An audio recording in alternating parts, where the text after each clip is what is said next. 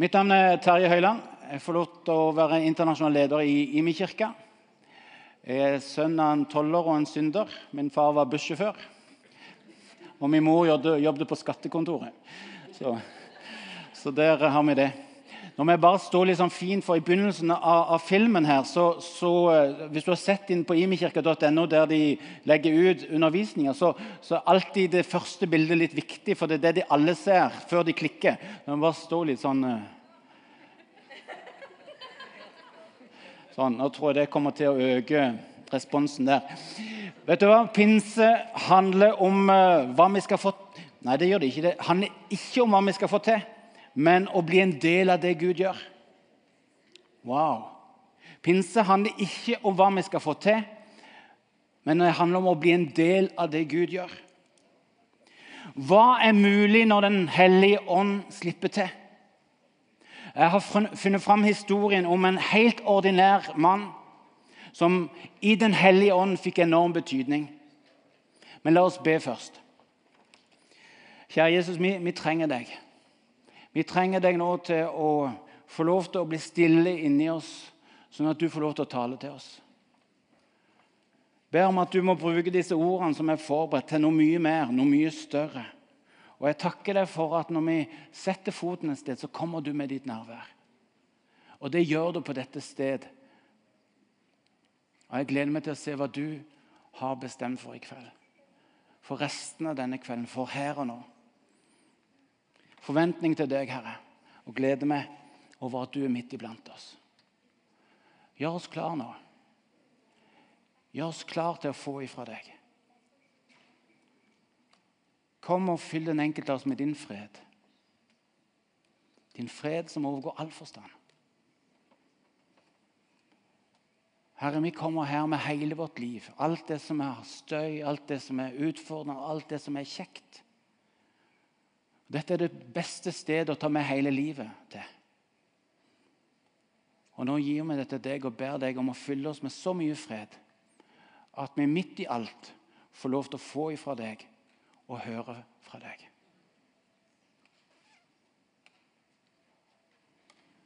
Amen.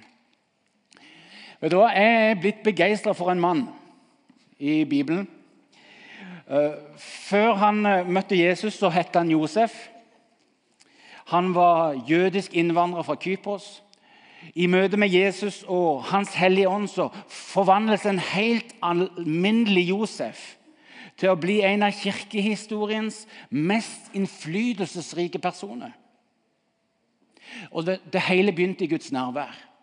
Han var levitt, en av de tolv stammefolkene innenfor det jødiske folk. De som hadde blitt gitt ansvar for tilbedelsen av Gud, av ofringene og lovsangen.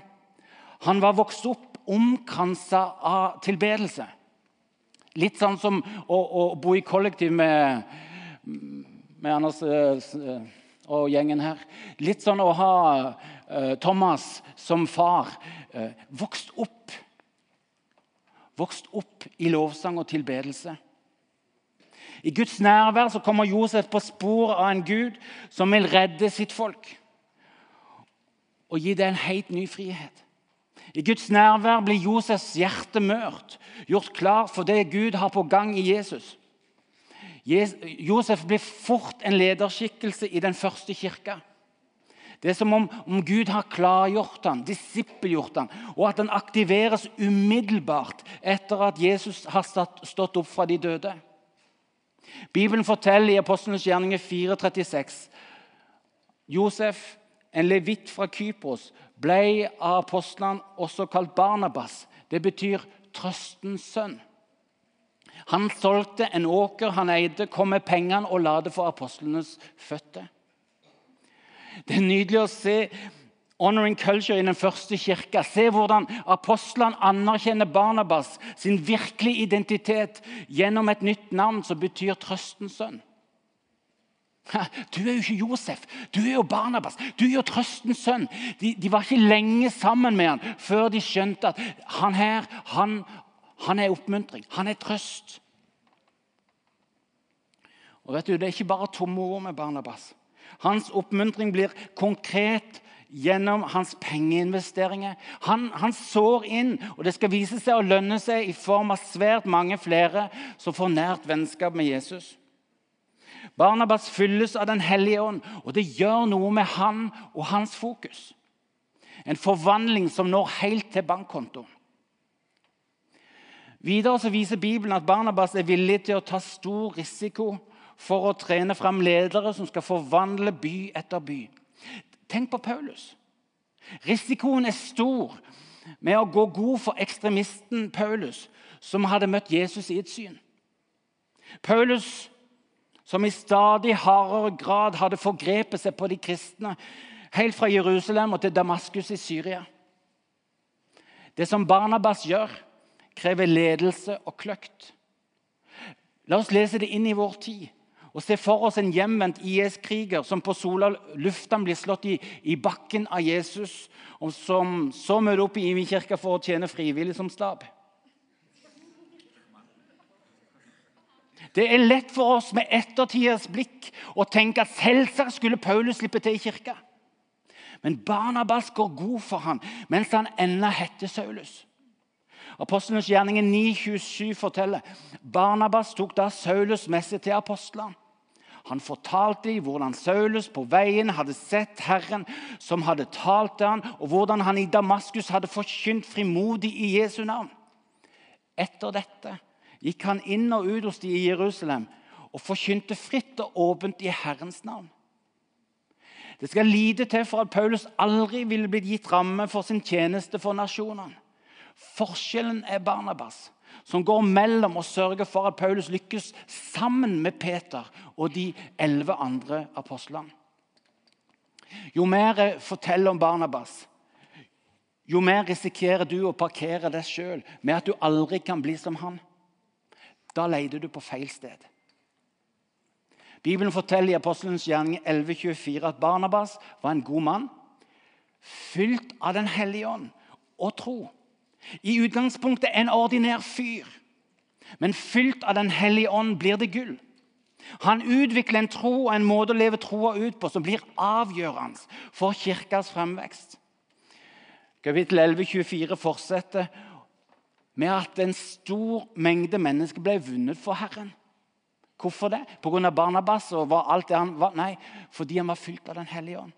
En stor mengde mennesker ble vunnet for Herren. Og Så dro han til Tarsus for å oppsøke Saulus, som han fant og tok med seg til Antiokia. Et helt år var de sammen i menigheten der og ga mange mennesker opplæring i troa. står det. For andre gang drar Barnabas for å oppsøke Saulus. Denne gangen får treneren i et helt år. Saulus er i ferd med å bli Paulus. Og I løpet av dette året i byen Antiokia begynte de troende å prege den byen. Fordi deres oppførsel, aktivitet og talemåte lignet på Kristus, så ble de troende der i byen for første gang kalt kristne. Fylt av Den hellige ånd får Barnabas et herlig fokus på å fullføre misjonsbefalingens ordre om å lede alle nasjonaliteter til tro, dåp og etterfølgelse av Jesu ord og gjerninger. Mens de øvrige apostlene blir stående fast i å bare gi troa til sine landsmenn, så begynner Gud her forberedelsen til at kirka bryter ut og bringer Guds godhet til alle nasjoner. Det er helt rått å se hva som er mulig for én person når han lar seg lede av Den hellige ånd. Én person. Bakteppet var egentlig en gedigen krise i kirka. Oppdraget fra, fra, Jesus var klart, men de fleste ledere klarte i liten grad å gi Jesus videre til utlendingene. Dype kulturelle grunner lå bak. De var, de var, trent opp til å tenke at, at alle ikke-jøder var religiøst ureine. Kirka holdt på å bli en paralysert jødisk getto. Så hva er da mulig for en person som fylt av Den hellige ånd begynner å se dette problemet med Guds øyne? Hvordan klarer Barnabas å bringe Guds godhet ut til hele verden? Han hadde verken fly eller bil. Barnabas søker løsning hos Gud. Og Den hellige ånd gir han en slagkraftig idé gjennom en gi det videre-metode som er helt rå. Det er i Barnabas vi for første gang i Bibelen ser noen som trener ledere som trener ledere som trener ledere i flere ledd. Han er den som trener Paulus. Og Paulus i sin tur lærer dette prinsippet fra Barnabas og forklarer senere for sin hovedleder at han må gjøre det samme. Timoteus, som han heter. Timoteus, sier Paulus. Det du har hørt av meg i, i mange vitners nærvær, skal du gi videre til pålitelige mennesker som er i stand til å undervise andre. Altså Du har Barnabas trener Paulus, Paulus trener Timoteus. Timoteus gir videre til, til, folk som er i stand til å, sant? å gi videre. Det samme ser vi Barnabas gjøre med de nye kristne i Antiokia. Og Dette miljøet tar fort over ledelsen av en voksende menighet og får ryggrad til å sende misjonærer ut i alle retninger. Det er her f.eks. Paulus og Barnabas får beskjed fra Den hellige ånd om å ta en ny, lang misjonsreise. Apostelens gjerninger 13, 1-3 forteller at i menigheten i Antiokia var det noen profeter og lærere. Barnabas og Simeon med tilnavnet Niger, Lukius fra Kyrene, Mannaen, pleiebror til landsfyrsten Herodes, og dessuten Saulus. En gang mens de feira gudstjeneste for Herren og fasta, sa Den hellige ånd, ta ut Barnabas og Saulus for meg, så de kan gå til den oppgaven jeg har kalt de til. Etter faste og bønn la de hendene på dem og lot de reise. Legg merke til at det er ikke lenger Barnabas som lytter og får ledelse, men Paulus sammen med to andre profeter i menigheten. Pinse er å få tak i hvordan Gud vil hjelpe alle mennesker til, på jorda til tro på Jesus. Og Barnabas lar seg lede og få tak i en metodikk som gjør at én mann kan forvandle nasjoner gjennom ledere som trener ledere som trener ledere i flere ledd. Genialt. I begynnelsen av livet med Jesus så, så investerer Barnabas mye penger i å gjøre Jesus kjent. Dette videreforedler han og blir mer og mer villig til å ofre alt for å gjøre Guds godhet tilgjengelig. På en av misjonsreisene, trolig i fengsel, så skriver Paulus i 1. Korinterbrev 9,6 er det bare jeg og Barnabas som ikke har retten til å slippe å arbeide. Hvem er soldat og betaler lønna si sjøl? Wow! Det, Fantastisk bilde. Hvem er soldat og betaler lønna si sjøl? Hvem ligger i skyttergravene, i støvet? Hvem kjemper og så betaler for å være der? Sier egentlig Paulus. Hvem er soldat og betaler lønna si sjøl? Uansett pris for å se folk bli frelst og se ledere vokse, så er Barnabas klar til å ofre alt som skal til. Han har valgt å innordne sitt fokus under Guds fokus på å hjelpe stadig flere til tro på Jesus. Koste hva det koste vil. Barnabas unner folk å få vende hjem til Gud. Fortell meg, hva, hva skjer hvis et norsk barn kommer vekk? Sist sett da det gikk fra skolen, kom ikke hjem. Hva skjer etter noen få timer da? Jo, hele bygda eller bydelen går manngard. Ikke sant? Hele bygda går manngard til de finner barnet. Barnabas ser ut til å ha den samme jervheten i forhold til de som har kommet bort fra Gud. Er noen kommet bort fra Gud? Da går kirka manngard til vi finner dem. Det er eksempelet som Barnabas gir oss. Og Barnabas utvikler også en, en, en, tålmodighet for å se ledere vokse inntil de er klar til å trene ledere i flere ledd. Paulus på sine siste dager skriver i brev til kolosserne, kapittel 4-10. Aristarkos, min medfange, hilser dere. Det samme gjør Markus, Barnabas fetter. Dere har fått beskjed om han. Ta godt imot han hvis han kommer til dere. Dette var Markus som Paulus fullstendig nekta å ha med på teamtur noen år tidligere. Fordi Markus feiga ut og stakk når trøkket fra Jesu fiende ble for heftig. Men Barnabas hadde klokketro på Markus og insisterte på å ta han med videre. Han tok til og med en opprivende konflikt med Paulus på denne saken. Og I Apostelens gjerninger 1537-40 så går de hver sin vei. Bitter strid. Barnabas fortsetter å trene Markus utrettelig videre til å klare forfølgelse og all slags press. Bedre og bedre. Og Markus blir en av de få som våger å stå sammen med Paulus når han fengsles og senere henrettes i Roma. For en mann. For en mann.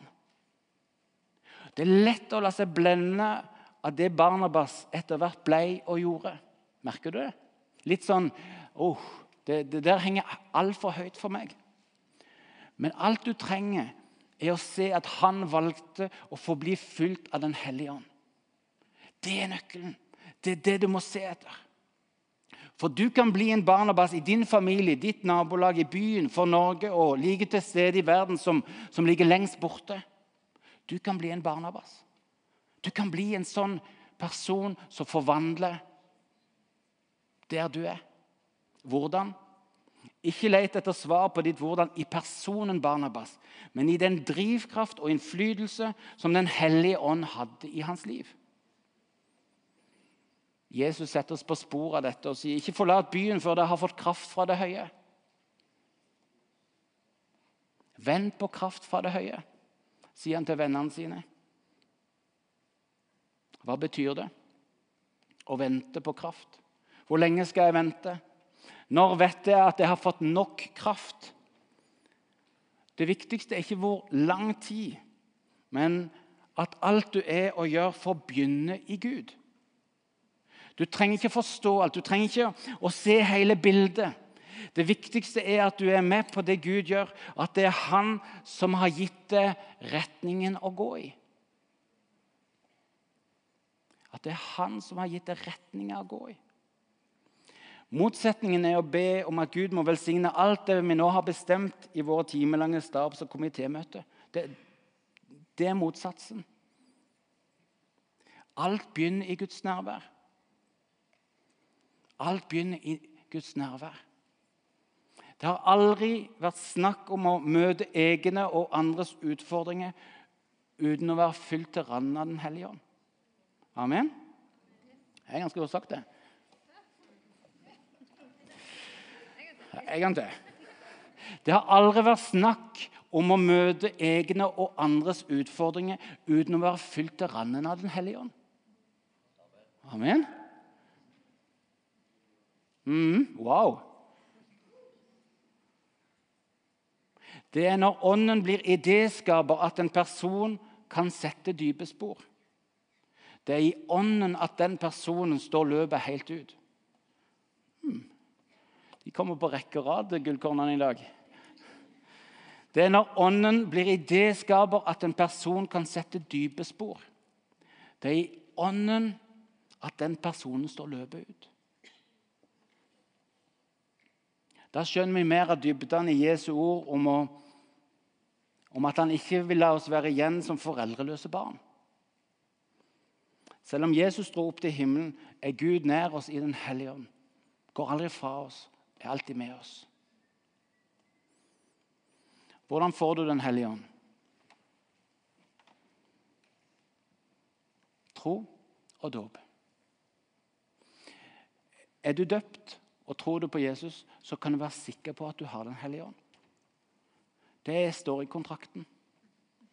Og, og det, det, er deilig at Gud har skrevet en sånn svart på hvitt-kontrakt for oss. For det er ikke alltid følelsene er med. Det er ikke alltid livet er på en sånn måte at det liksom, oh, yes, jeg har Den hellige ånd inni meg. Men tror du på Jesus, og er du døpt, så er kontrakten mellom deg og Gud at du har Den hellige ånd. Den fikk du i dåpen. Og om du har kommet på avstand fra Gud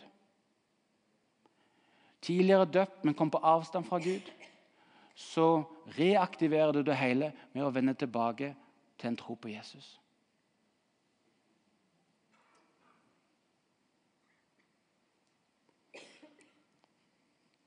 Er ikke det fantastisk? Uansett hvor du går, så har du Gud inni deg. Uansett hva som skjer, så har du Gud inni deg. Uansett åssen du føler det, så er han ikke bare nær til deg, han er i deg.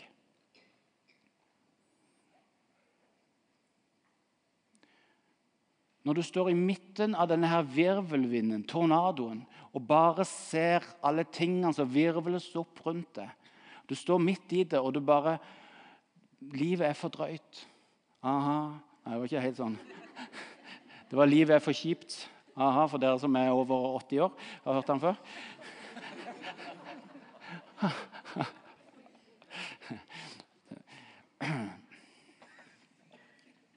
Når du står midt i den, og alt virvelet rundt det, så er Gud i deg. Inni deg. Nærmere enn alle andre kan komme. Er ikke det fantastisk? Og Der begynner forvandlingens mulighet. Der kan du og meg bli som Barnabas. Der kan vi på vår måte, ut fra det som Gud har for oss Ikke som en kopi av Barnabas, eller noe sånt, men, men like gjerne like stort og like betydningsfull. Få lov til å, å la Han drive oss ut. La Han gi oss retning. La Han få lov til å gi oss alt det vi trenger for det Han har tenkt å bruke deg og meg til.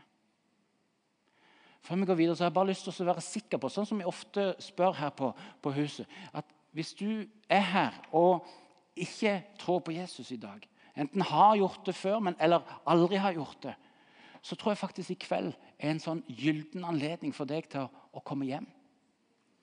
Til å si at 'dette vil jeg ha tak i'. Dette vil jeg tro på.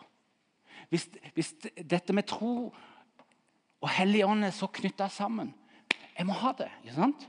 Så før vi går videre, la meg, la meg bare se hånda di opp hvis du tenker at jeg trenger å vende hjem. Jeg trenger å begynne å tro på Jesus i dag. For igjen eller for første gang. Kan ikke du bare vise med hånda di, så har jeg lyst til å bare be for deg før vi går videre? Hvem, hvem er det?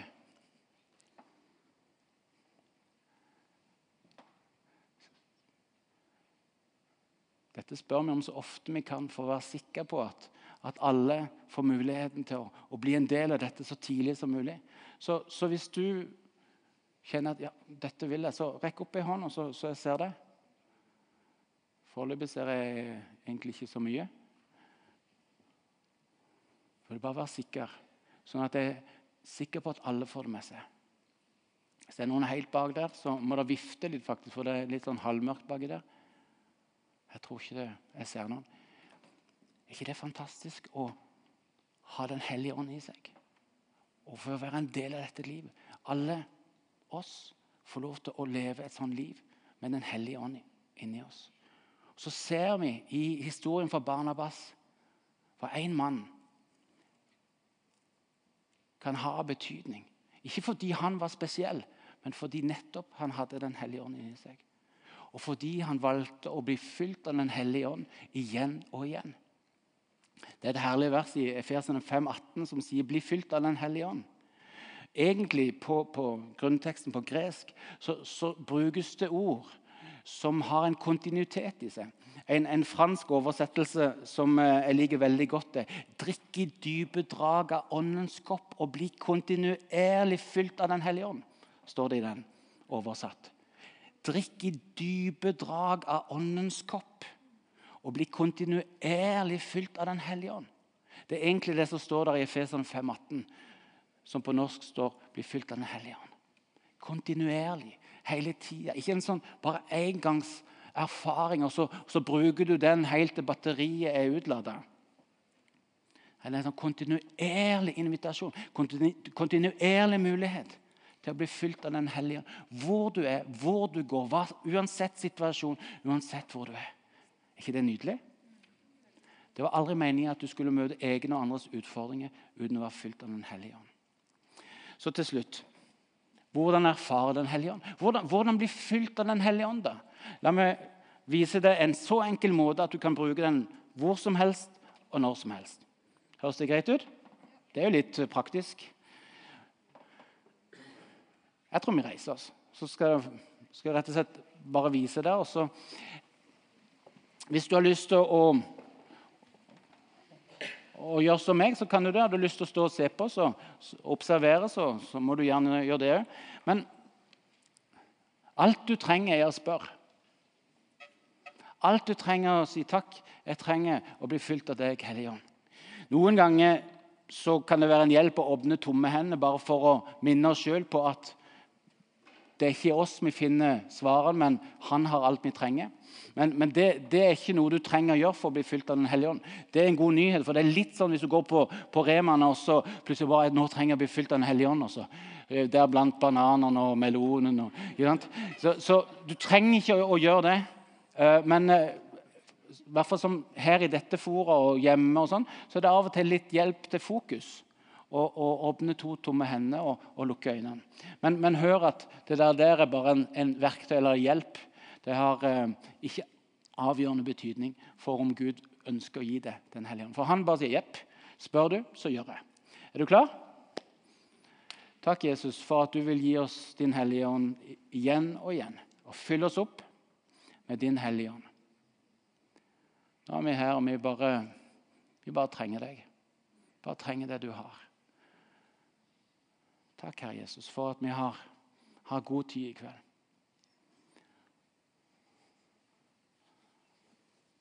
Kom, Helligånd. Kom, Helligånd. Takk for at du er her nå, Herre, med din Helligånd.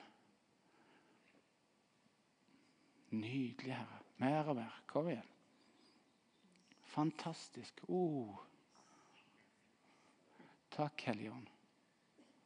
Fyll opp på helt forskjellige måter fordi den enkelte av oss er forskjellig, så kommer du på en måte som gir mening for den enkelte. Kom igjen. Mer og mer. Takk, Jesus, for at du kommer med din Hellige Ånd. Bryt gjennom. Mer og mer. Mer og mer, Jesus. Wow. Takk for det du nå gjør, Jesus. Takk for at vi skal slippe å stresse og prøve å produsere et eller annet. Men bare hvile i deg. Bare være i deg. Bare motta for deg. Takk at du gir din kraft. Takk for at du fyller med din ånd. Hmm, så nydelig, Herre, å se hva du gjør nå. Og så så mye som bare kan ses fra innsida. Der som du er, Helligånd. Og du fryder deg over det du nå gjør i den enkelte. Gjør det stille. Gi den enkelte ro. La de slippe å stresse for å skulle ligne på et eller annet som en har sett på TV eller noe. Men bare ta imot. Bare ta imot. Takk, Jesus.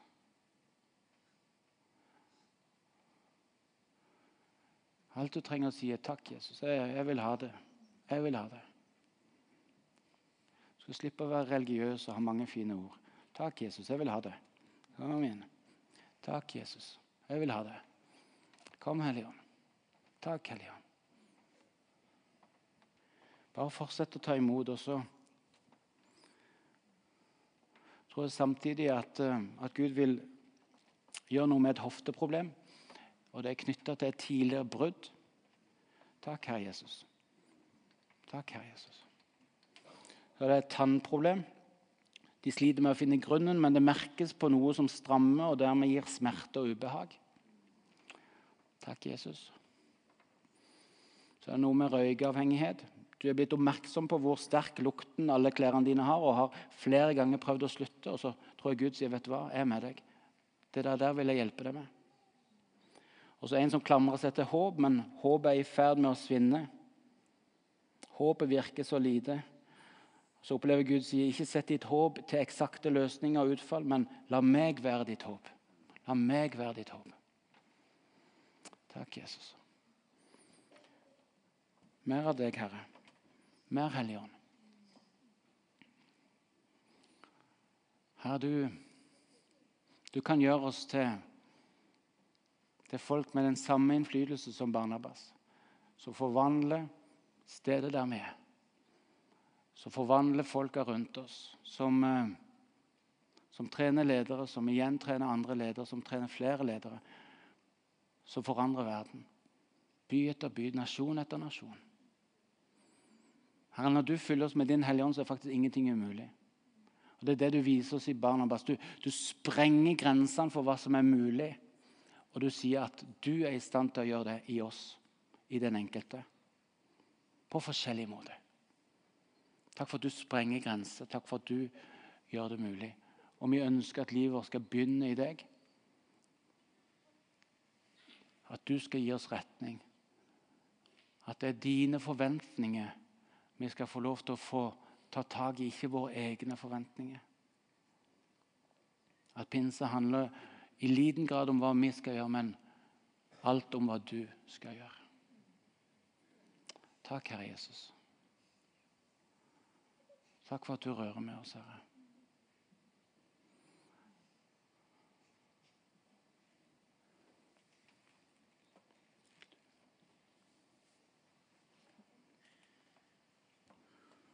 Takk, Herre Jesus.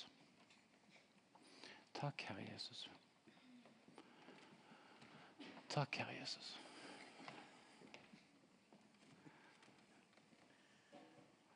La oss uh, ta det videre i, i, i, lovsang. Men så enkelt, akkurat der hvor du er, så ønsker Gud å fylle deg med din, sin Hellige Ånd. Sånn at ditt liv får en betydning som forandrer verden. Hvor ingenting er umulig. Hvor det handler om Han og det Han gir, og i liten grad deg og meg.